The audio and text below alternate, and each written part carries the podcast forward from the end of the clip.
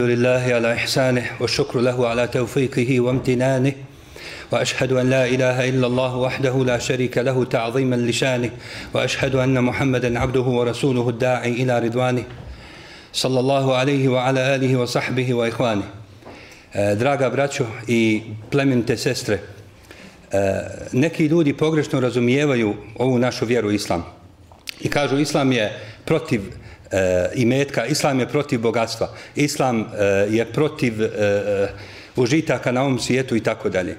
Mnogi kažu islam e, ne regulira pitanje ljubavi i sputava tu ljubav.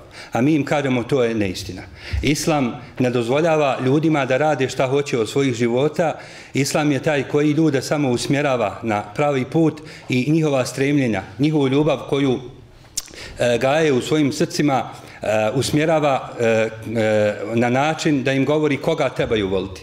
Kad trebaju voliti, koliko, koga trebaju voliti više, koga trebaju voliti ili prirodno, koga trebaju voliti manje i tako dalje.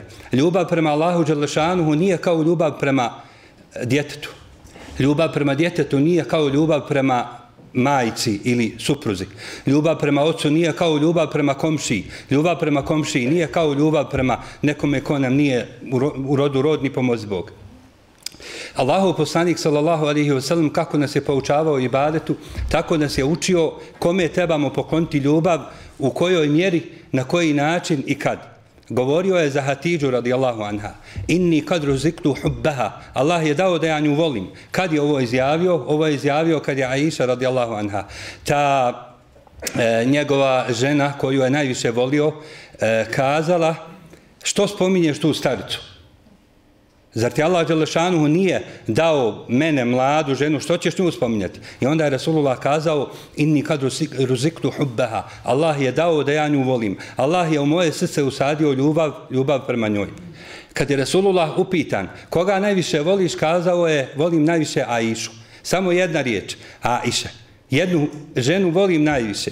Koga voliš najviše od ljudi, onda je Rasulullah, alaihi salatu wasalam, kazao, od ljudi volim najviše Ebu Bekra. Dakle, voli Maišu i, njegovog, e, i, i, njenog, i njenog babu Ebu Bekra. Kad Alija radijallahu anhu dođe na sudnji dan, kad bude proživljen, e, svako ko je živio na ovom svijetu, bio on insan ili životinja, i kad bude odgovarao za svoja dijela pred gospodarom svjetova, Alija radijallahu anhu neće se pojaviti na sudnji dan. Ni kao poslanikov rođak, ni kao halifa koji je bio e, odgovoran za muslimane, ni će se pojaviti kao e, hrabri borac koji je e, svoja prsa isturao sabljama i koji se borio za islam, nego će se pojaviti sa jednim svjedočanstvom koje mu je Resulullah rekao. A to svjedočanstvo glasi, uh, ona je spomenuto u predanju, u predanju kojem Resulullah a.s. prije bitke na Hajberu kaže Gaden u'tir rajete ređulen yuhibbu Allaha wa yuhib, yuhibbu Allaha wa rasulahu wa yuhibbuhu Allahu wa rasuluhu. Sutra ću zastavu predati čovjeku koji voli Allaha i poslanika i kojeg vole Allah i njegov poslanik. Kada je nastupio sutrašnji dan, pred bitku sa jevrejima, svi su ljudi isturali glavu, dizali su se, ne bi Allahu poslanik baš njega vidio, ne bi mene vidio pa da mi da zastavu. Onda je Rasulullah upitao, a gdje je Alija? Alija radijallahu anhu je bio taj čovjek koji je volio Allaha i koji je volio Allahova poslanika, kojeg je volio Allah i kojeg je volio njegov poslanik. E, večeras ću vam spomenuti ovdje dvije ljubavi. Jedna ljubav je sušto uživanje. U jednoj ljubavi uživaš i ta te ljubav vodi ka džennetu, a druga ljubav je patnja i ona te vodi, e, nećemo kazati vodite ka džehennemu, ali te vodi na neki drugi put, na put koji ne vodi u milost i zadovoljstvo uzvišenog Allaha Đalašanuhu. E, jedan jedini poslanik nosi e, naziv ili nosi epitet El Halil, Allahov prijatelj, a to je poslanik Ibrahim alihi salam. Zbog čega je on Allahov prijatelj? Prije svega da kažemo da je Ibrahim alihi salam bio najhrabriji čovjek ili jedan od najhrabrijih ljudi. Raspravljao je o Allahu Želešanuhu sa Nimrodom, Nimrod bin Kanaan. Za njega ste čuli i znate da je on govorio ja život i ja smrt dajem. Onda Ibrahim da bi se uzdigo se iznad tog njegovog, čuj čovjek, ja život i ja smrt dajem. Kako daješ, kaže, dovedite mi dva čovjeka. I zapovjedio bi ovog, ubite ovog, ostavite, ovog ostavite u životu. Kaže, ja tako dajem život i smrt. Onda je Ibrahim a.s. da bi se uzdigo iznad, to, iznad tog njegovog e, neprimjerenog dokazivanja, kazao Allah Đelešanu je taj koji čini da sunce grane na istoku. Rađa se na istoku. Ako si kadar, ako si Bog, daj nek sunce se rodi na zapadu. Fabuhite ledi kafar. I tako je e, onaj koji ne vjeruje, to je Nimrud ibn Kenan, ostao izbehućen, nije znao više šta da odgovori. Ibrahim a.s. je srušio kipove.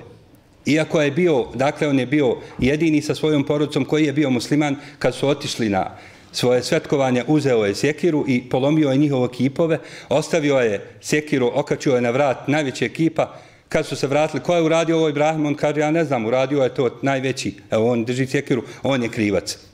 Ibrahim a.s. je bio e, toliko da reživi plemenit da je dočekivao goste koje nikad nije vidio na način koji e, na način kojem nema primjera ili e, e, na način koji nije, koji nije za koji nije čuveno u historiji pojavili su se gosti njih četiri ili pet Ibrahim a.s. nikad njih nije vidio kazao im Abujru Mehlenu Sehlen dobro došli i otišao je i pripremio im pečeno tele dakle nije ni dostavu pozvao pa da donesu neku malu picu na njih 4-5 ili ne znam, nego pečeno tele im je pripremio i donio ga je pred njih.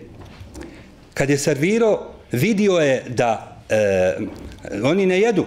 Oni su bili meleki koji su došli da mu donesu, donesu vijest da će biti uništeno Lutovo selo. Dakle, e, narod Lut, ali salam, koji se je bio odogriješen, on će biti uništen i oni su, oni su donijeli tu vijest. Onda on kazao, ela te kulun, zar ne jedete? fa auđesa minhum hifa. I osjetio je strah. Dakle, on je sve dao o sebe da, da ugosti te goste, da ih primi lijepo, oni nisu jeli njegovu hranu. I onda je situacija se razvijala, dalje događaj su tekli e, e, na, na način kako Allah Želešanuhu govori da su oni kazali mi smo poslani da uništimo narod Lutov, onda on kazao e, u njemu ima Lut, ima poslanik, bio je sažaljiv. E, ovaj poslanik, Ibrahim a.s. Zaslužio je Allahu Đelešanuhu ljubav. On je bio Halil. Halil u arapskom jeziku znači nešto, e, e to je, e, e, ima ekspresivnije značenje od riječi Habib. Habib je onaj koga voliš, ali Halil je jedan jedini. Znači, miljenik tvoj može biti samo neko na dunjalku. Sada svakom govoriš da je tvoj Halil, to je bez veze. Jedan je Halil bio. Allah Đalešanuhu je htio da srce Ibrahim, a.s. pripadne samo gospodaru svjetova. E, Ibrahim je dobio sina e, kojemu je nadjenuo, nadjenuo ime Ismail. To mu je bilo prvo dijete, Ibrahim je tad već bio zašao dobro godine.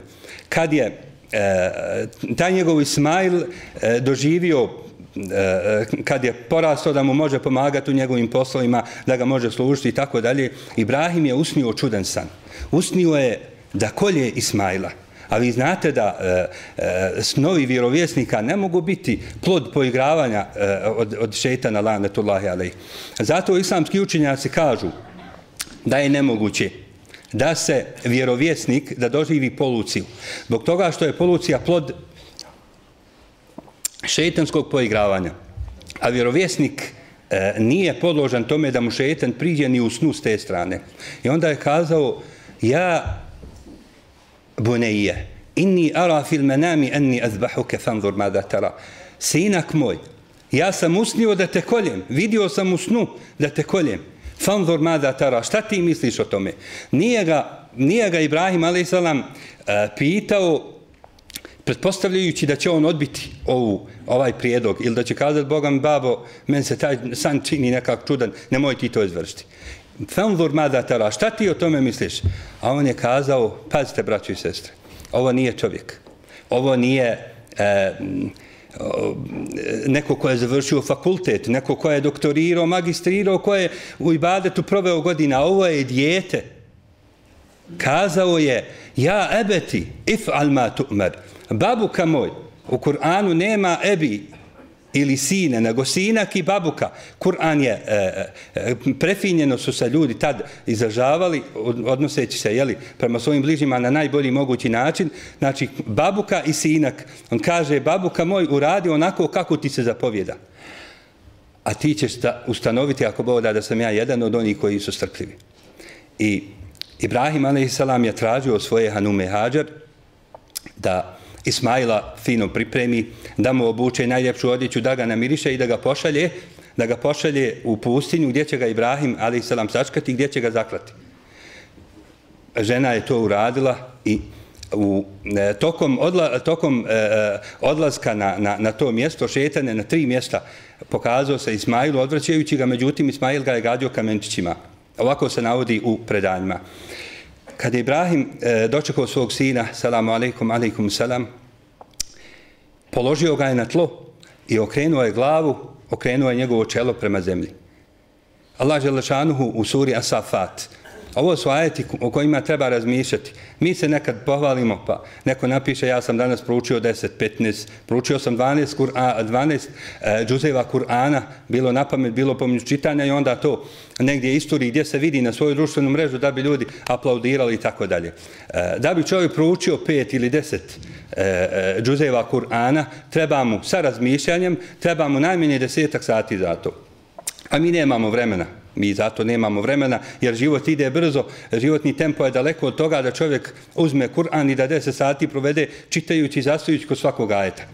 E, e, ovi ajeti trebaju ostaviti na nas dubog trag. Bar bi trebao čovjek da razmišlja o tome zbog čega ne razmišlja o Kur'anu. Ako već ne razmišljamo o Kur'anu, haj bar onda da skontam i da pokušam dokučiti šta me je to odvratilo da Allahu i Đelešanu u riječi. Ovo su riječi koje su zabilježene u historiji i mi ovog Ibrahima hvalimo svaki dan. Allahumma salli ala Muhammed wa ala ali Muhammed kama sallajta ala Ibrahima wa ala Ali Ibrahim, inneke hamidun međid. Donosimo salavat na Ibrahima i na njegovu porodicu, na Ismaila, na Ishaka, na Jakuba, na Hađer, na Saru i tako dalje. Falemma aslama wa tellahu lil jabin. Kada su se njih dvojica odazvali, kada su se odazvali Allahu i Đelešanuhu naredbi, kada je Ibrahim poslušao zapovijest gospodara svjetova, a Ismail poslušao zap, e, e, uh, zapovijest svoga oca, wa tellahu lil jabin. I kada je Ibrahim položio svog sina, jedinak sin, jedan jedini, dobio ga kad je već zašao godine i kad je izgubio nadu da će dobiti djecu. Allah mu dao to dijete i dao mu iskušenje. Allah je, kažu učenjaci, bio ljubomoran tad. Ibrahim je svoje srce poklonio Ismailu, kao što bi svaki čovjek, kad uzme dijete svoje u naramaku krilo, poklonim određenu pažnju i zaboravi na gospodara svjetova. To je sasvim normalno. Allah Đelešanuhu je bio ljubomoran prema Ibrahimu i onda je htio da Ibrahimu srce pripane Allahu. Ni ženi, ni djetetu, ni vladaru, ni kralju, nikom, samo gospodaru svjetova. Samo po tim uvjetom može biti Halil to je stepenica ili razina iznad ovog Habib, voljeni. Znači, Halil je onaj e, koji se ne može više voljeti. Ibrahim je bio taj. I Allah Želešanu ga je iskušao kad, ga, kad je položio Ibrahim sina Ismaila na zemlju, kad je okrenuo mu je čelo na, na, na zemlju, da ne vidi Ibrahim da se oči ne susretnu, da ne bi Ibrahim obuzelo sažaljenje, da ga ne bi obuzeo stid, da se ne dogodi ono što on ne bi volio da se dogodi. Uzeo je nož i kažu islamski učenjaci kad je povukao po vratu, nož zaokrenuo. Povukao je drugi put, opet se nož okrenuo, tako je bilo i treći put. Nakon toga u toj dolini, Mekanskoj blagoslovljenoj dolini, čuje se glas ja Ibrahim i puni sve što postoji, cijela dolina ori od tog glasa. Gospodar svjetova se obratio Ibrahimu. Ja Ibrahim, kad sad doktor, ja, o Ibrahime, ti si se odazvu objavi u snu. To je objava bila kad ti si taj san smatrao istinitim i ti si ra, uradio, postupio si sukladno njemu. Kad sad doktor ruja, inna kedalike nezil muhsinin. Mi tako nagrađujemo one koji dobre, dobra djela čine. I Allah Đalašanuhu je tad e, umjesto da Ismail bude kurban, zamijenio, dao je da, da e, spustio je s neba kurban koji je ostao sunnet do dana današnjeg. Kad su se vratili nazad, dakle tad je uslijedilo slavlje, Ibrahim je zagrlio Ismaila, plakali su, e, vratili su se kući kod, kod majke, majka ne zna još šta se događa. Majka je bila na tom stepenu da nije možda ni suzu pustila. Ovdje nije, braću i sestra, bilo plakanja. Nije bilo vremena za, za plač, e, nego je e, mm, e, važnije od svega toga bilo da se izvrši onako kako Allah Đelešanu traži. Kad su se vratili kući, Hađer, ili mi ćemo kazati Hađera, ona je ostala zatečena kako to sin je otišao da, da bude, otišao je da umre, da se susretne sa Allahom Đelešanuhu, vratio se živ. E ovo je ljubav. Ovu ljubav Ibrahim a.s. je imao, Ibrahim a.s. je postupao u skladu sa onim što je Allah Đelešanuhu od njega tražio. Musa a.s. Za Musa se kaže Musa el Kelim. Musa s kojim je Allah Đelešanuhu razgovarao. Braćo i sestra, Allah Želešanuhu govori.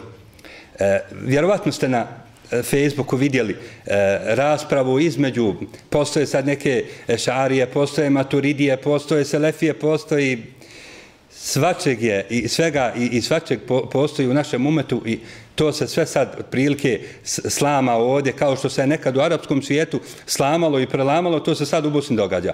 E, oni kažu Allah Želešanuh ne govori i tumače to na ovaj ili onaj način. Ako Allah Želešanuh živi i ako vidi i ako čuje, onda i govori. Jer Allah Želešanuhu kaže وَكَلَّمَ اللَّهُ مُوسَى تَكْلِيمًا Allah je sa Musaom sigurno razgovarao. Znači, bez imalo sumnje. I nema šanse da se ove riječi protumače drugčije, da se negiraju prije svega i nema šanse da se protumače drugčije. Sa Musaom Allah Želešanuhu je razgovarao.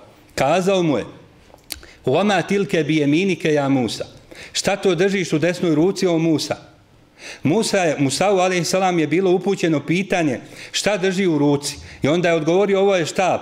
On bi sa Allahom Đelešanu razgovarao e, sa edebom. Dakle, ne bi prešao granice, ne bi bio nepristojan, jer je nepristojnost kad te neko upita da prešutiš odgovor. Ako znaš, ako ne znaš odgovor, kažeš, brate, ja to ne znam, uglavnom kad ga ignorišeš, onda si ga povrijedio.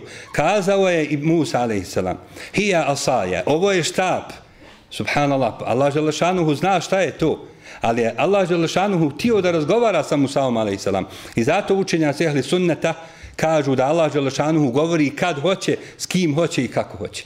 Razgovarao je sa njim, kazao mu je Oma tilke bi eminike ja Musa, šta to držiš u desnoj ruci o Musa? On je kazao, hija asaja, ovo je moj štap. Ete voke u alejha, ja se na njega oslanjam wa ahushu biha ala ganemi. I mlatim lišće drveća Musa je bio čaban on je čuvao ovce. Wa li fiha ma'aribun ukhra. I ja ka koristim i za druge neke potrebe. Vidite Musa alejhi salam je pod navodnim znacima prekoračio ovdje eh, u odgovoru je eh, dao informacije za koje nije bio upitan. Allah Želešanuhu nije Musa alejhi upitao eh, šta radiš ili zbog čega, zbog čega ti taj štap služi, čemu ti služi, nego ga je pitao šta je to u tvojoj ruci. On je kazao štap i radim njime to, to i to, a služi mi i za druge neke potrebe koje sad neću navoditi. I onda Allah Đelešan kaže, baci ga Musa, Musa ga je bacio, pretvorio se zmiju, vi znate kako je to teklo. Zbog čega ovo navodim? Ovo navodim zbog toga da ukažemo na jednu važnu činjenicu. A to je da čovjek želi razgovarati sa onim koga voli. Musa a.s. je volio Allaha Đalešanuhu i nije mu bilo dovoljno da kaže gospodaru ovo je štap i da šuti. Kao da je ovako kazao, sve dok je Allah Đalešanuhu meni se obratio, da sa mnom razgovara, ja ću sad iskoristiti priliku, jer gospodara volim, pa ću sa gospodarom razgovarati i ono što me nije pitao, kazat ću ovo je, ovo je štab, služi mi zato, služi mi i za neke druge potrebe mi služi. Musa alihi salam dža Musa li mikatina. Kad je Musa došao na naš ugovoreni rok ili rok koji smo mu ugovorili mi nakon 40 noći wa kellamahu rabbuhu i kad mu se je njegov gospodar obratio gospodar se obratio Musa alejhi salam kale rabbi erini anzur ilajk. on je rekao Musa je kazao gospodaru ukaži se da te vidim zbog čega je Musa tražio od Allaha Đelešanuhu da mu se ukaže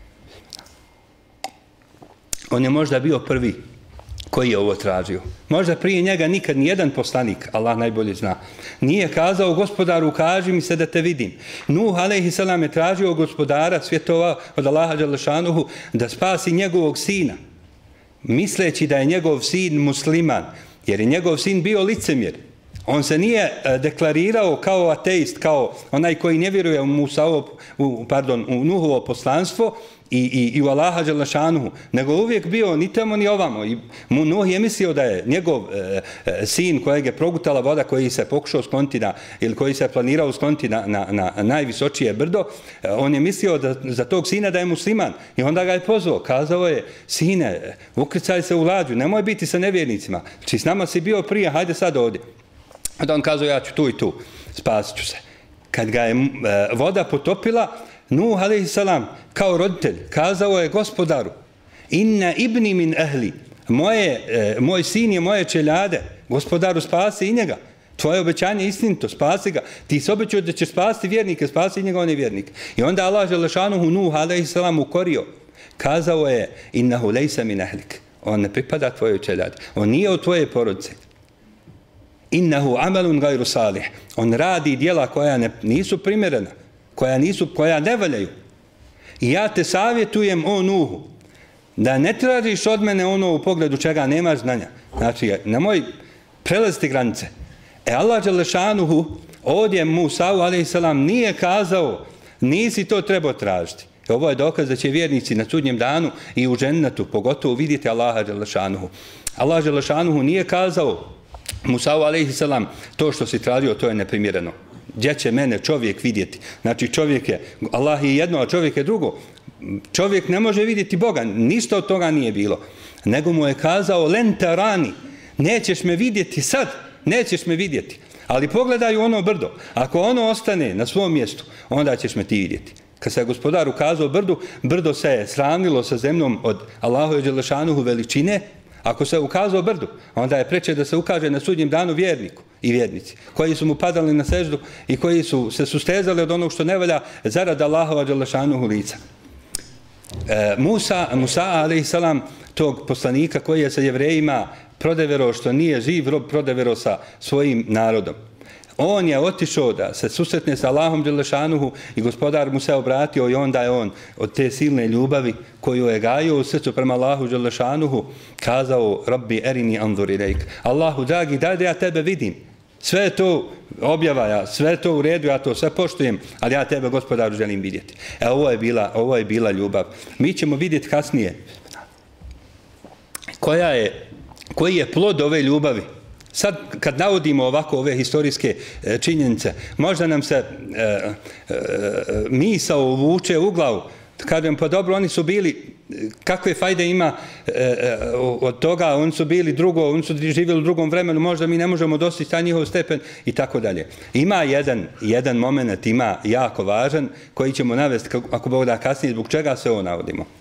Allahu poslanik, ali salatu wasalam kažu islamski učenjaci da je doživio sa svojim sunarodnjacima, u svojih sunarodnjaka od Kurejšija, ono što ni jedan poslanik u svom životu nije doživio. Znači, svi poslanici, kad saberemo iskušenja, koja su poslanici imali sa svojim e, e, narodima, kad sva ta iskušenja saberemo, u, na, stavimo na jednu hrpu, sva ta iskušenja je doživio Allahu poslanik sallallahu alaihi wa sallam jedan od prvih ajeta bio je ja ijuhal muddathir kom fanzir. O ti koji si pokriven pokriveni ustani i opomini. Kao da mu Allah Želešanuhu kaže nema rahata više ti si poslanik dobio si objavu. Sa to što si dobio to je posljednja objava. Više nema objava nema više poslanika do sudnjeg dana. Moraš to sad dostaviti ljudima kako bi ti i onaj ko, je, ko živi sa, s tobom, tvoj savremenik, i onaj ko će doći, i jedna skupina dobrih muslimana koja će živjeti u Bosni i Hercegovini nekad nakon toliko stoljeća i robovati Allahu Đalešanu, iako će sa svih strana valovi zablude pluskati i odvraćati te ljude od istine, kako bi svi vi imali to svjetlo iz njega crpili. Ustani poslaniće. Od tog trenutka, pa do trenutka dok Resulullah, alaihi salatu wasalam, nije preselio, dok Allah Đelešanu tu najči, naj, najčistiju i najbolju i najplemenitiju dušu nije uzeo sebi, nije uzeo, dok nije uzeo sebi, do tog trenutka Allahu poslanik, alaihi salatu wasalam, nije osjetio trenutka jednog rahatluka. Sve ono što je bilo između toga, to je sve bilo prividno. Vi znate da se po dva, tri mjeseca u poslanikovoj kući nije vatra upalila, nije se imalo šta ispeći. Jeli su datule i jeli su vodu. Ne mislim da je neko od nas danas izložen tim iskušenjima. Vi, zna, vi znate da je Allahu poslanik salam, izgubio sina. Izgubio je sina Ibrahima, za kojim je zaplakao i kazao je Va inna ala firakika ja Ibrahimu le mahzunun. Ibrahime, razgovara sa mrtvim djetetom. Ibrahime, žao mi je što se razdvajamo, što te ostavljamo i što ti nas ostavljaš. Ali mi govorimo samo ono, ili izjavit ćemo ono čime je gospodar svjetova zadovoljen.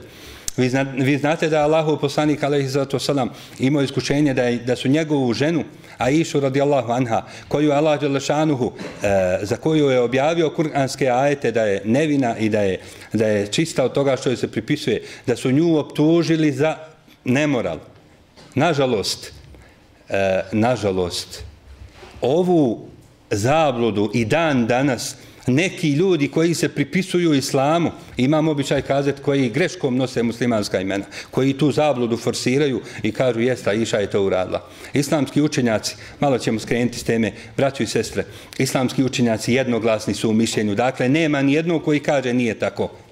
Da onaj ko kaže za Aishu radijallahu anha, da je ne, počinila preljubu, da je počinila blud, nakon što je objavljen kuranski ajet na trećoj stranici sure Nur, ula ike mubarra mimma yakulun. Oni su čisti, a Iša je čista od onog što joj se pripisuje.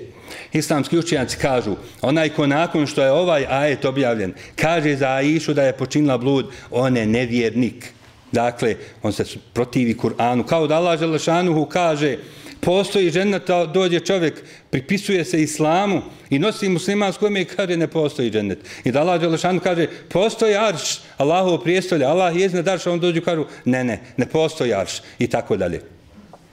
E, Resulullah a.s. je, pored ovih iskušenja, poživljavao i mnoga druga. Imao je zavratom mnogobošce koji su napadali na Medinu, imamo, imamo Bedr, pa imamo Uhud, imamo poslije toga bitku na, na Hendeku, Imao je u Medini neprijatelja koji je bio gori od mnogobožaca, to su licemjeri. Imao je u Medini jevreje koji samo jesi okrenuo leđa, on ti je nož, eh, on ti je nož zario u leđa. Dakle, bio je izložen teškim iskušenjima.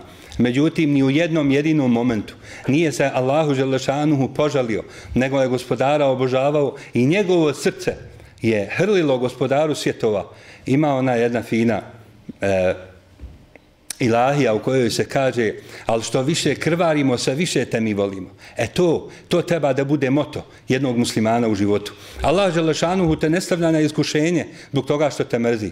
Ako te Allah Želešanuhu zamrzi, e onda ti neće pomoći niko. Allah Želešanuhu, kad te stavi na kušnju, neku, ti pomisliš da gospodar svjetova, E, da si skrivio, da si zgriješio, da izgubio si novac, ne ide ti posao kako treba, planirao si stupiti u, e, u neku vezu, u brak s nekim, nije ti se, omaklo ti se i tako dalje. Znaj da Allah Želešanuhu iznad sedam nebesa, on je taj koji ti ime rukovodi. On je taj. A mi ako budemo rukovodili i ako mi budemo da nam Allah Želešanu daje ono što mi želimo, pa ne mislim da bi prošlo 7, 15 ili mjesec dana, svi bismo nastradali. Ima tu još primjera oni koji su voljeli Allaha Đelešanu iskrenom ljubavlju. Možda će sestre kazati, vi samo navodite primjere muškarca, kod da žena nije bilo koje su bile dobre žena je temelj društva. Ako žena ne valja, onda ne valja društvo. A ako je žena čestita, ona je ta koja nosi, ona je, ona je ta koja nosi društvo i koja nosi, ako Bog da uz Allahu pomoć, uz Allahu pomoć donosi, donosi, donosi uspjeh uh, jednoj zajednici. Asija bint Muzahim, žena faraonova, vi ste za nju čuli, znate šta se je sa njom događalo. Kad je Musa, alaihissalam, rođen, trebalo je da bude ubijen, majka ga je dojila krišom i kada se je pobojala za njega, onda ga je stavila u jedan sanduk drveni i pustila ga niz Nil, oslonivši se, oslonivši se na Allaha Đelešanu. Gospodaru, ti si ga dao, ovo je tebi u emanet i bismillah. Kad je taj sanduk e, ugledala E, posluga faraonove e, e, faraonovog tog dvora, dvorjanika su ugledali, kazao su ovo je jedan dječak i onda je faraon tražio da, da dječak bude pogubljen. Međutim, Asija, radijallahu anha, e, rahmetullahi alejha, ona je kazala e, kurretu ajni li velek, možda će biti radost oku meni i tebi la taktuluhu, nemojte ga ubiti. Asa an yanfa'ana aw nattakhidahu walada. Možda će nam biti od koristi ili ćemo ga uzeti kao sina, kao dijete. Nisu imali djecu. Faraon i ona nisu imali djecu. A faraon je tad, kako kažu historičari, historičari kazao, neka bude radost oku tebi, meni neće. Kažu da je rekao, bit će radost i meni. Allah Želešanu bi ga uputio ta Asija je uzela faraona, e, pardon, uzela e, to, to dijete, Musa a.s. odgajala ga i onda ga je vratila majci. Vi znate kako je to sve teklo. Kad je Musa a.s. dobio poslanstvo i kad se za njega pročulo, žena u kojoj je, e, čija je nutrina bila čista, Dotad nije bilo, ona, on nisu imali poslanika. Povjerovala je u njega i prihvatila islam i govorila Allah, Đelešanohu, moj gospodar i tako dalje. Faraon, najveći signik, goreg silnika od njega nije bilo. On nije mogao to podnijeti nikako. Nego je izveo čak svoju ženu, s kojom je dijelio i dobro i zlo, kazat ćemo u životu on je nju stavio na muke da se odmetne od islama, da za ne vjeruje u Musa, ali i salama, u gospodara svijeta, da ne vjeruje da njega prihoti na uzbilatala kao Boga i tako dalje. Međutim, ona mu je kazala, između mene i tebe nema ništa. Ti si nevjernik. ja sam muslimanka. Musliman, E, muslimanka, i nevje, e, muslimanka i nevjernik ne mogu biti u braku. Onda on je kažnjavao, izdao je na, na, e, na sunce, na temperaturu, pa su je, kažu, islamski učenjaci, meleki su joj pravili hlad. I tad je ona u tom trenutku, to je ljubav. E, možda bi neko od nas zažalio i kazao, pa dobro, ako me Allah Želešanuhu nije, ako mi nije naredio da ovo uradim, što ja sebi tradim posla? Međutim, onaj ko voli gospodara svjetova, njegovo srce e, zaboravlja opravdanje i zaboravlja sve te e, e, e niske, ni, ni, e, ovaj, kako da se izrazim, e, niske povode na koje bi se pozvao da odustane od onoga, da odustane od onoga u što se uvalio, da kaže pa ovo Allah nije, nije me Allah ovim zadužio, nema potrebe da sam sebi tradim posla. Ne. Kazala je ovako, u smrtnim mukama, rabbi, gospodaru, ibni li bejten fil dženne, sagradi mi kuću kod sebe u džennetu. Ibni li indeke bejten fil dženne. Prvo je kazala kao da kaže gospodaru, više mi je važno da ja budem tvo, tvoja gošća u džennetu, da budem blizu tebe, nego ta kuća koju ću imati.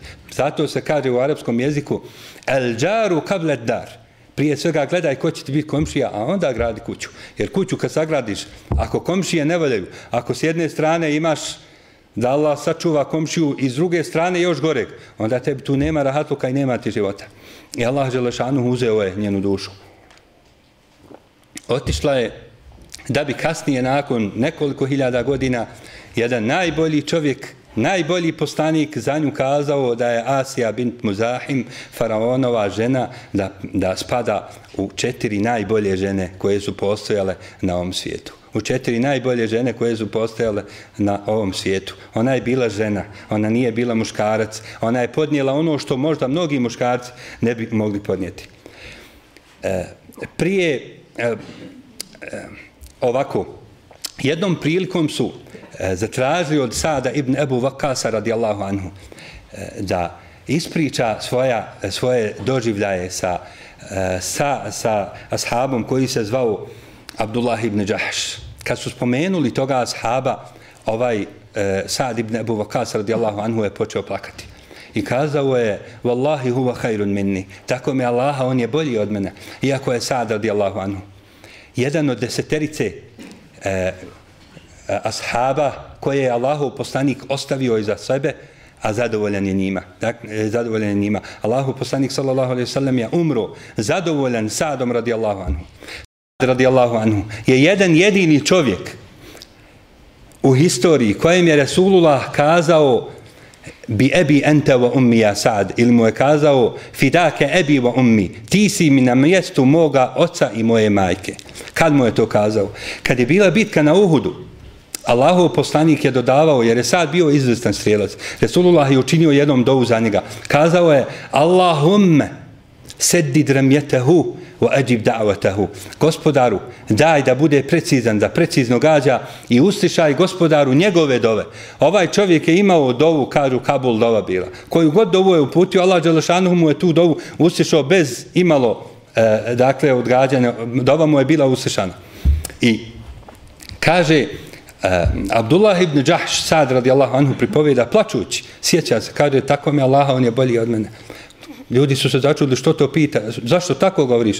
A onda on kazao, prije bitke na Uhudu, kad smo došli na samo poprište, Abdullah ibn Đahšem pozvao me i kazao, hajmo učiniti dovu jer je znao da je dova ovog ashaba primljena. Hajmo učiniti dovu da nam Allah Đelešanuhu primi, da nam ukabuli, da pomogne i tako dalje. Onda je sad podigao ruke. On sad pripoveda, kaže, ja sam digao ruke, rekao sam gospodaru, Allahu uzvišeni, pomozi nam, e, ponizi nevjernike, e, uništi ih, daj da budemo pobjednici i tako dalje, da, e, da nama pripadne vlast, da, da se islam uzvisi i tako. Abdullah ibn Đahni nakon toga je kazao u redu. To, to što si dovio, to je sve u redu, to je sve ok. A slušaj sad moju dovu. On je podigao ruke i kazao je, Allahu moj, ako ja tebe volim, ako znaš da ja tebe volim, daj da poginem u ovoj bici i da moj stomak bude raspored, da mi nos bude osjećen, oči iskopane i uši osjećene. Kad dođem na sudnji dan, to sve to je dova, ovo je dova kad gospodaru se žališ, kad od Allaha tražiš ono što bi tražio od moćnika, pretpostavimo da ima čovjek koji može sve dati. Od njega šta bi tražio to od Allaha traži sa još većim žarom. To traži od Allaha i kad je gospodaru, daj mi sve to. Kad me na sudnjem danu upitaš zbog čega si poginuo, zbog čega se to sve dogodilo da kažem poginuo sam na tvom putu u tvoje ime gospodaru i da me uvedeš u džennet. I tako je bilo. Kad je sada da je Allahu anhu Bitka se je rasplamsala, nije se znalo niko pije, niko plaća. Bila je terapana živa, muslimani su se povukli. Kad su nevjernici otišli, mi smo se išli dolje i našli smo Abdullah ibn Đahša radijallahu anhu, zatekli smo ga. Poginuo je, stomak mu je rasporen, nos mu je osjećen, oči su mu iskopane i uši su mu osjećene. I onda je Rasulullah sallallahu alaihi sallam zamolio Allahu dragi, daj mu ono što si mu obećao. Dakle, kao da kare da ga nisi volio, ti mu ne bi ispunio dovu i ne bi poginuo upravo onako kako, e, kako je on to tražio. Srce koje voli Allaha Đelešanu, to srce ima cilj, ono stremi, ono vuče, isto kao kad insan žudi za nečim i uloži sve o sebe da to ostvari. Uz Allahu Đelešanu pomoć to će i ostvariti. Vi ste čuli za ashaba koji se zvao Hubeib ibn Adi. Ovo je bio jedan primjer jednog mladića koji je u Mekke ostavio sve i otišao u Medinu. I u jednoj od bitaka je zarobljen i onda su ga prodali mekancima i doveli su ga. Bio je jedan, jedan period je bio u jednoj mnogobožaškoj kući zatvoren. I znao je da će biti pogubljen. Pazite, braću i sestre, ovo su bili muđahidi. Ovo nisu bile kukavice koji e, ubijaju nevine civile i na najgnusniji i na najpodliji način. Ovo su bili istinski heroji. Bio je zatočen toj kući. Pazite, nije pokušao pobjeći. Nije pokušao uzeti zi, taoce. Tad je bilo s taocima možda lakše raditi nego danas. Tad nije bilo snajpera, nije bilo specijalnih jedinica. Ako nekog uzme kao taoca, e, nož mu prisloni na vrat ili negdje na dio tijela, možda će se izvući lakše nego danas. U toj kući koje je oboravio, tražio je od te žene britvu da ukloni e, dlačica ispod pazuha kako bi se pripremio za smrt. I kaže, dok je to radio, e, sin te žene je došao kod, kod Adija ibn Kubejba, ibn Kubejba, Kubejba ibn Adija i sjelo mu u krilo. Dječara kod možda 3-4 godine, tijete kod dijete ne zna. I kad je, kad je žena vidjela da ja držim, ili da on da, da drži, zapravo ona je to pripovjedala, poslije ona je prihvatila islam i, njezni, i ti rođaci, kad je vidjela da drži to dijete, e, ona se izbezumla, sad će ga zaklati. I on kaže, jel ti misliš da ću ja njemu nanijeti kako zlo? Kaže, tako me laha, ne bi ja to mogao raditi. E, ovo je borac bio. On ne mogu uzeti to dijete kao živi i ti izvoj svoju glavu. Međutim, za princip treba ići do kraja, a ne polovično. Mi smo muslimani, ali kad dođe gusto, onda joj, pravimo strategiju i povlačimo se. Ako jesi musliman, onda budi dobar musliman do kraja. I onda kad imaš i kad nemaš i kad ti je dobro i kad ti je zlo. I kaže ova žena za, e, e, e, za Hubejbe radijallahu anhu, u Meki tad u to vrijeme nije bilo hurmi, bila je takva suša, oskudica je bila, nema niko ništa jesti. A kaže u njegovoj sobi sam zaticala grožđe. Allah Đalašanuhu mu je grožđe slavo. Grožđe je. Zaticala sam grožđe. I kasnije kaže nisam vidjela e, kulturnijeg i blagoslovljenijeg zarobljenika, zatvorenika od njega nikad. Kad su ga izveli, na stratište da ga pogube. Izveli su ga izvan harema. Dakle, e, smatrali su kao što je i ustaljeno bilo i to je ostalo, da unutar tog svetog pojasa u Meki, da se ne smije proljevati krv i da se e, ne smije činiti ništa što ne priliči. Oni su uzeli tog Hubejba da ga izvedu izvan granica tog svetog pojasa, izvan harema da ga ubiju. I kad on ih je zamolio, mogu klanjati dva rekiata. Mogu klanjati dva rekiata. Oni su mu dozvolili mnogobožci koji ne vjeruju, koji vjeruju 360 bogova, koji rade najodvratnija djela. Oni su mu dozvolili da klanja dva rekata. Danas imate islamsku skupinu koja kaže mi uspostavljamo šerijat i mi smo za Allaha i za poslanika, a ne dozvoljavaju muslimanu kojeg zarobe da obavi dva rekata, nego ga ubiju prije toga da ne bi možda sa još dodatni dobrih dijela stao pred Allaha Đelešanu. Znate na šta mislim snimak, ste vjerovatno svi taj gledali, ono dušu para.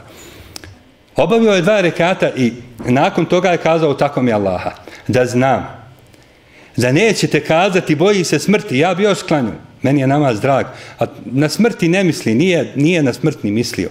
Nije, on, nije smrt za njih bila ovo što je za nas, jer je on smrt doživljavao kao odlazak u nešto bolje, zašto se je pripremio, a u šta idem ja, u šta ideš ti kad mi, Allah najbolje zna, šta smo poslali da tamo dobijemo nešto bolje. Nakon toga je, nakon toga su ga svezali za jedan stup za jedan stup su ga svezali.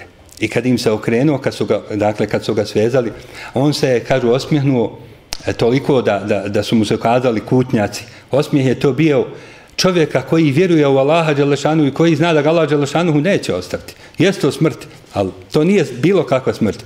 Onda je kazao ovako, e, prije ovog, prije njegove izjave napravit ćemo jednu digresiju. Vidite, braći i sestre, ovaj ashab nije dozvolio mnogobošcima da se raduju, e, da pomisle da je kukavica, bilo šta. Osto je čvrst, ne, ne dozvoljavajući neprijatelju da se naslađuje. Kao onaj sunnija koji je u Iranu prije pogubljenja, kad su oko njega oni što nose muslimanska imena, daleko su od njih, kad su mu namicali prije nego što će namaknuti omču oko vrata, on je uzeo onaj kanap i poljubio ga. Zašto?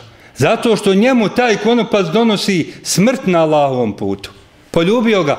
Nećeš ti koji vjeruješ u Aliju, a ne vjeruješ u Allaha, koji kažeš da je Kur'an iskrivljen, a ne kažeš da je potpun, nećeš osjetiti ni trun jedan zluradost. Ja ću ovaj kanap poljubiti sad, pa ti umri od muke. Tako mi Allaha veću patnju. Osjeti onaj, E, e krvnik koji mu je to sve pripremio nego taj musliman koji je izložen tome. Jer nije sve u tjelesnoj patnji. I ovaj Hubejb radijallahu anhu okrenuo se, nije pokazao strah, nije pokazao tugu, možda u jednom trenutku, možda su ga pokušali navesti, kazati mu, bil ti volio da je sad Mohamed na tom mjestu? Ne kazao, tako mi Allah. Ne bi volio da poslanika ubode teren jedan, a da meni se, da ja izbjegnem bilo kakvu neseću. Ja za poslanika život dajem. A onda je kazao, uputio je dovu, Allahu maktulhum bededa. Allahu, pobij ih sve. Vala tugadir minhum ahadan. I nemoj nikoga od njih ostaviti. Onda je kazao, onda je kazao, uh, ovo su trenuci koji nama izgledaju kao bajka. Onda je kazao stihove. Falestu ubali hina uktelu muslima. Ala eji dženbin kane lillahi masra'i. وفي ذات الإله وذلك في ذات الإله وإن يشاء يبارك على أوصال شلو الممزعي govoreći tim stihovima nije me briga govoreći u njima ne zanima me nije me briga kako ću umrijeti ako umirem kao musliman bilo da me objese bilo da mi glavu osjeku bilo šta da od mene urade ne zanima me način ako ja umirem kao musliman Ovo je u trenutak kad je on spjevao stihove. Nisu to stihovi negdje bili da on učio da se pripremi za to. Nego je u tom trenutku on sam stvorio, da kažem po navodnim znacima, on je te stihove donio, osmislio je te stihove. 12 strofi ima. Oni su ga pustili ispjeve. Su on, bili su ljudi od, od, od, e, od poezije. E sad ovdje imamo jedan slučaj ili dva slučaja. Kako ljudi doživljavaju smrt. Bio je jedan, e, e, jedan Ebu, Ebu Dulama, on je bio pjesnik za vrijeme jednog e, abasijskog, e, abasijskog halife. Bio je jako e, strašljiv, nije se dakle smio boriti, nije, bio je kukavica u pravom smislu te riječi, ali je bio na tom dvoru, bio je pjesnik i hajde kazat ćemo slobodnije, tako ga učenjaci e, e, karakteriziraju, bio je luda, dvorska luda, on je uveseljavao halifu, kad je halifi teško on dođe izvodi, izvede neke karafeke i onda halifi bude lakše. I halifa je tio da ga malo pritegne i kazao mu Ebu Dolama, sutra imamo okršaj, ti ćeš biti prvi koji će izaći na Mejdan. Izaći na Mejdan, to nisu smjeli hrabri ljudi, dakle, neprijatelj je tamo, e, e, e, tvoja vojska je ovamo i Mejdan je tu, dobiješ, dobiješ junaka, ili, dakle, tu je borba do smrti. Kaže on, halifa, nemoj mi to raditi, ja to ne smijem. Kaže halifa, tako mi Allaha, sutra ćeš na mejdan izaći. I ovaj je morao poslušati Ebu Dulhama izveo koje je sablju. Kad je stao pred neprijatelja, sablja mu je ispala ostraha i pobjego je. I onda je kasnije citirao, uh, citirao je ove E, stihove, on je bio pjesnik, kazao je, ko će mi nadomistiti glavu ako ova ovdje sa ramena? Ko će mi dati drugu dušu ako mi neprijatelj uzme ovu dušu? Imamo tu i slučaj kako ljudi doživljavaju smrt e, e, prije smrti, dakle, strah taj koji vlada. Bio je jedan trgovac koji je, kojeg su ufatili drumski razbojnici i da mu otmu platno, kad su ga, dakle, kad su ga optačkali, tijeli su ga i ubiti, jer drumski razbojnik otme i ubije. Eh, on je kazao, hajde, kad sad, klanjaj dva rekata. Kaže, kako ću klanjati, kad sam sve zaborio što sam znao.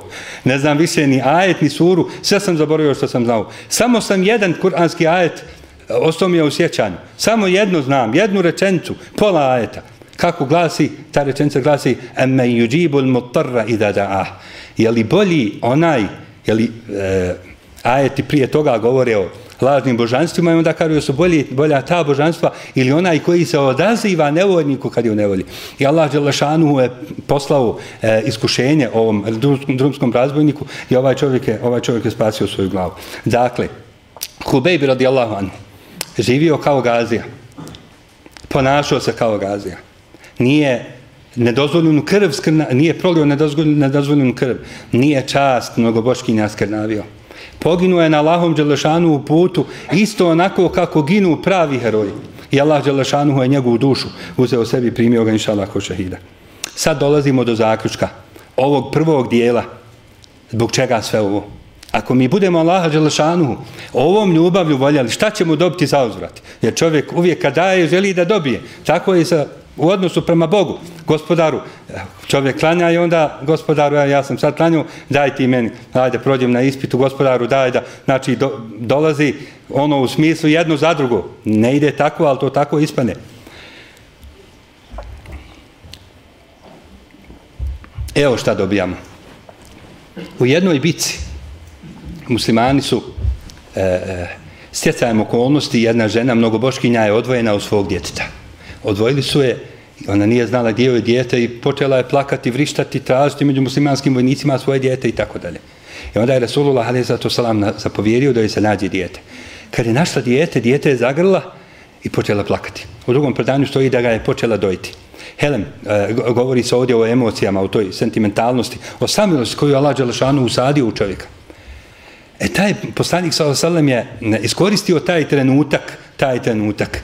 Njegovo poučavanje je bilo savršeno. Iskoristio je taj vizualni trenutak kad ljudi vide to, svi su se uzbu... nisu znali dakle šta će sad posle toga biti. Žena je izgubila dijete i nakon što ga je našla zagrla ga Sad je, stanka je, jedna je, tajec je nastupio. Resulullah a.s. pita ashabe, smatrate li, o ljudi, da bi ova žena ikad ovo svoje dijete mogla baciti u vatru? I onda su oni kazali Allahu poslaniče, ako ikako mogne, onda ga neće baciti u vatru. Ako ikako, ako bude postojao jedan način da ga izbavi, da ga ne baci u vatru, da ga ne žrtvuje, da ga ne izgubi, ona će taj način e, posegnuti posegnuće za njim i sačuvat će dijete. Sad je Rasulullah a.s. izgovorio jednu riječ, jednu rečenicu oko koje mi kružimo sad i o kojoj govorimo. Tad je kazao Lallahu arhamu bi ibadihi min hadihi bi waladiha. Allah je zaista milostiviji prema svojim robovima od ove žene prema svom djetetu. Šta je poruka? Šta je pouka?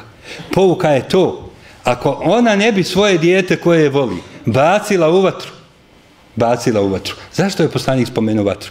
Zato što na ahiratu ima samo džennet i vatra. Ako ga ona ne bi bacila u vatru, Allah Želešanuhu koji je ostavio 99 e, e, hajde kazat ćemo 99 milost, milosti za ahiret kako će on onda svoga roba koji mu e, je odan, koji klanja, koji posti, koji svjedoči Allahu jednoću, koji voli poslanika, koji voli ashabe, koji voli Kur'an. Je li moguće da Allah Đelešanu tog čovjeka baci u otru? Nije moguće. Ovo je bila prva vrsta ljubavi. Ovo je uzvišena ljubav. Ovo je ljubav za koju se čovjek treba dati i žrtvovati i koju treba postepeno pa ostvarivati i u kojoj će tako mi Allaha uživati. Sigurno će uživati. A ima jedna druga ljubav, to je druga vrsta ta vrsta je patnja. Ona donosi brige, ona donosi nespavanje, ona donosi slab apetit, ona donosi loše ocjene u školi, ona donosi neraspoloženje, ona donosi sve suprotno ovom što ova prva donosi. Na Dunjalku, na Ahiretu, Allah Želešanu će ljudima suti onako kako on bude htio. Prije par godina, eh, ili kazat ćemo prije dvije, tri godine, kad je eh, blagoslovljena stranica NUM, koju vi dobro, e, e, koju posjećujete i znate, njihov rad, e, objavila, dakle kad, su, kad je bila rubrika pitanja i odgovori. Jedno od prvih pitanja koja je tamo stigla, Allahom Đelešanuhu, e, dobroto moja malenkost imala priliku odgovarati na neka od tih pitanja. Prvo, jedno od prvih pitanja, jedno od prvih pitanja glasilo je ovako, dakle u potpisu je žensko. Imam momka, zaljubila sam se, e, ne znam, sad se ne sjećam detalja, znam da je to je baš emotivno je pitanje bilo do besvijesti. Ali on mene neće, on mene ponižava, on ovako, on onako, tamo, vamo. Znači, vidi se na, na temelju pisane riječi, vidiš da je ta osoba u patnju. I onda sam odgovorio, što ne znači da se i muškarac ne može zaljubiti. Da momci ne kažu, e, sad to samo je, samo vrijedi za djevojke. Onda sam objasnio, kazao sestro, poduzmi ove korake, pa poduzmi ove korake, pa ovo uradi, pa ovo uradi. Allah Đelešanu da će ti, da će ti ovaj, uz Allahovu pomoć e, da će ti da prevaziđeš taj problem u kojem se nalaziš. Nakon nekoliko e, dana, možda nije proteklo 7, 15 ili 20 dana, javlja se u redakciju i sad hvali odgovor, kaže Allah nagradio toga i toga ko je odgovorio, ja sam tako postupla i Allah Želešanu dao je da, da to, da to e, prevaziđem. E, puno je ljudi koji se žale, e, koji se žale na to. Čak može se dogoditi čovjek koji je 20 godina u islamu, Imao sam slučaj da čovjek pozove, hajmo, vidim da treba razgovor, hajmo na kafu, dobro, sjedemo, e, šta je sad on ruke trlja, pa ovo, pa ono, vidim, pravi neki uvod, šta je, kaži, kaže, brate, ima, kaže, jedna žena, ona je sad razvedena, mi smo se nekad davno poznavali, ja sam oženjen, ali kaže, ja nju volim, on men to, iz srca, ja, ne, ne znam sam šta bi radio, e, šta tom čovjeku kazati? Ima nekoliko načina pomoć koji se čovjek može ovoga svega osloboditi. Ali prije svega da, malo da ovo dignemo na viši nivo. E, braćo braći i sestre, da ljubiti se, nije to tako bezazlena stvar. To je lako. Samo to posljedice nosi velike. E, Ibn Abbas, radijallahu anhu, ovo je predanje zabilježio, imam e, e, e, Ibn Džauzi u knjizi u kojoj govori o posljedicama sjeđenja strasti, demul hava, i još neki učenjaci, a na ovu temu je prevedena jako dobra knjiga, vjerovatno mnogi od vas imaju, eh, e, Ibn al-Kajima al-Deuzije, koja se zove Bolest i lijek. Dakle, tu govori o grijesima i dotiče se i ovih tema. U ovoj knjizi je zabilježeno da Ibn Abbas radijallahu anhu pošao na hađ, e, da, je, da, da je bio na hađu, na, na, na Arefatu, i prošao je pored jednog šatora, kad je tamo je zatekao momka nekog E, koji je bio izuzetno, izuzetno mršav i blijed i nakon pitao sam ga, mamak šta ti je, šta je, u čemu je problem? Onda su kazali, ovi prisutni, on je već bio, počela ga je halucinacija, hvatati, počeo je neka imena navoditi, spominjati šta mu je, kažu zaljubljene. Toliko se je zaljubio da je, on se je izgubio. I onda Ibn Abbas radijallahu anhu pogladio ga po glavi, Ibn Abbas, to je čovjek kojeg je poslanik, e, za kojeg je poslanik dovu učio da bude, da ga pouči, da ga, da ga Allah Đelešan uputi u propise vjere i da ga pouči tumačenju Kur'ana i Ibn Abbas je bio jako, jako blag čovjek. Učio mu je malo Kur'an, učio mu je Kur'an i prije nego što će krenuti, Upitao je tog momka, momak, zar je dotle došlo da se ti tako ponašaš? Onda on kazao ovako, tako mi Allaha, kad bi moju glavu osjekli. Vidite kako čovjek, to je od prva stepenica, pa druga, pa treća, pa onda kasnije nema više dragi i draga su iznad Allaha, to je bez sumnje. Onda je kazao, kad bi moju glavu osjekli i kad bi se koteljala, moja bi glava njeno ime spominjala. To je izako u nekim, kao u nekim stihovima. Dakle, to je vrhunac. I onda Ibn Abbas radijalahu anhu, čovjek, on je tad bio već zašao u godine. Onda je počeo govoriti, a'udhu billahi minal išku. A'udhu billahi min al-ishq. I to je dovio do aksama, a refat je predviđen za dovu. Da jednu dovu čovjek uči 7 ili 10 sati, jezik, bi, jezik bi se zapetljao, ne bi znao više šta govori, ali on je to toliko srčan učio, Allahu moje, zaštiti me zaljubljenost. Udalji me od toga, jer je vidio šta se od čovjeka radi, ni tjede, ni pije, ne, ne vlada više sobom, samo zbog zato što se zaljubio. I onda ga pitaju, Eh, Ikrima, radi, uh, rahmetullahi alaih, njegov učenik i njegovi učenici koji su bili s njima tu na Arefatu, Ibn Abbas, mi čujemo cijeli dan učiš dovu Allahume inni, ili auzu bilah mina na išk, šta je povod? I onda im je on ispričao, ispričao im je šta se je to dogodilo. Onaj ko se zaljubi, on će se posvetiti onome u koga se je zaljubio za postavća Allaha. Ti može čovjek pomisliti i kazati, ma nije to tako, jest to tako. Ne kaže, jest to tako i ne kradi na, na, na, na liječenju svog, na, na uklanjanju svog problema. Biće kažnjen, srce će mu biti u kazni i bit će mu srce zarobljeno tim kojeg voli. Evo ova djevojka koja je postavila to pitanje, nju je taj momo ponižavao otvoreno. Dakle, šta je u njoj govorio, to je bolan da odeš na drugu planetu, da ne živiš više sa onim ko ti to kaže. Ako i kako imaš mogućnost, ona je opet za njim trčala. Dakle, bit ćeš ponižen, izlagat će te poniženjima i izgubit ćeš priliku da uradiš dobra djela i da zaradiš na ovom svijetu, da, da stekneš neki hajr, da imaš i metka. Jedan čovjek mi je ispričao, opet zaljubljenost. Kaže, radio sam težak fizički posao od jutra do sutra. I zaljubio se, kako se je zaljubio, a djevojka, ona je valjda, nije to tako baš shvatila njegovo zaljubljivanje i malo ga je i to iskoristavala. Ona je pohađala jednu školu, on je poznao jedan jezik, aj kazat ćemo da je to španski, nije španski.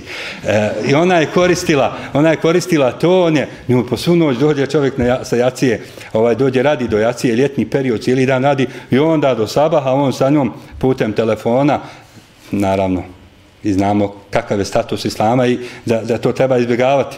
Putem telefona je to rješavao i zadaću i tamo i vamo kaže, prijatelj mi je, povjerio mi se, ovaj, i kaže sutra, kaže, sutra dan, idem, radim ponovo, možda ospava sat, dva vremena, posle sabaha do sedam, osam, dok, i dakle, ta, tako je to bilo. Ovaj, čovjek gubi priliku i da radi dobra djela, da mu je ko rekao, ili meni, ili njemu, ili nekom desetom, a sad svaku noć, tri sata uči Kur'an, neko bi ovo, ti od mene tražiš ono što ja ne mogu. Ma nije isto, Allah to ne traži, a traži Allah ovo? Allah ne traži ni ovo. E, kako izliječiti ovo? Zaljub, kad se neko zaljubi, kako to da izliječi? E, nema hamailije, nema zapisa, stavi ovdje, stavi ovdje, toga nema. Dakle, imamo samo prirodan način liječenja, kad kažem prirodan, mislim na Kur'an, na sjeđenje Kur'ana, na sjeđenje sunneta, na obraćanje Allahu Đelešanuhu. Prvo je namaz. Prvo je namaz. Allahu poslanik je govorio Bilalu, Rihna biha ja Bilal. Bilale prouči ezan, uspostavi namaz i odmori nas pomoću njega. U namazu se osjeća odmor. U namazu vjernik eh, odmara svoju dušu. Kad spusti čelo na, na seždu, zna da je pred onim koji može sve dati, Znači, ne postoji ništa što Allah Želešanuhu ne može učiniti. To treba da mu bude dovoljno. Namaz je nešto što, e, čemu čovjek treba tražiti, u čemu treba tražiti utjehu. Kaže se u predanju, kana kane ida hazabahu amrun fezi'a ila sala. Allahu poslani bi tražio utjehu, tražio bi utjehu namazu, kad bi se dogodilo nešto strašno, nešto krupno, nije letio da se jada ljudima, da e, ne znam, da plače, Išao je u susret problemu, trčao je namaz da moli Allaha da mu pomogne. Drugo, Drugo je dova. Ovo je možda trebalo doći na prvo mjesto. Dova. Allah Želešanuhu kaže e, e, Ida sa'alaka ibadi anni fa inni karib uđibu da'vate da'i ida da'an. Kad te robovi moji upitaju o meni, I re, ja sam blizu. Nema ovdje reci, jer nema posljednika između Allaha i roba. Ja sam blizu, odazivam se dovi onoga kome, kome čini dovu, kom, ko, kome molitelju svom. Onom kome zamoli učinit mu ovaj, kabul i daću mu ono što traži. A Resulullah s.a.v. u hadisu kaže da dova sprečava ono što se nije dogodilo. A isto tako uklanja ono što se već dogodilo. Čovjek koji se zaljubi, u njegovom se srcu nalazi bolest koju treba ukloniti pomoću, pomoću dove moleća Allaha Đališanu. Treće je zikrullah, spominjanje Allaha. A poseban zikr ovom prilikom jest la haula wa la kuvvata illa billah. Šehekul Islam, e, Ibn Taymiya, eh, e, Ibn Al-Qaim i još neki savremeni učenjaci kažu da čovjek najteže one poteškoće i najteže životne nedaće može otkloniti pomoću izgovaranja ovog zikra la haula wa la kuvvata illa billah. Četvrto e, je da voli susret sa Allahom da voli susret sa Allahom. Što ne znači da voli smrt. Da budemo jasni, smrt ne voli niko. Onaj ko voli smrt, on je možda došao u, u jednu fazu depresije kad više e, vidi samo u tome izlaz. Da voli susret sa Allahom Đelešanuhu. Susret sa Allahom je jedno, a smrt je drugo. Traženje, pardon, traženje smrti. I, i vo, vo, da čovjek voli susret sa Allahom, to su dvije različite stvari. Resulullah kaže, men ahabbe lika Allahi, ahabbe Allahu lika'a. Allah voli susret sa onim ko voli susret s njime.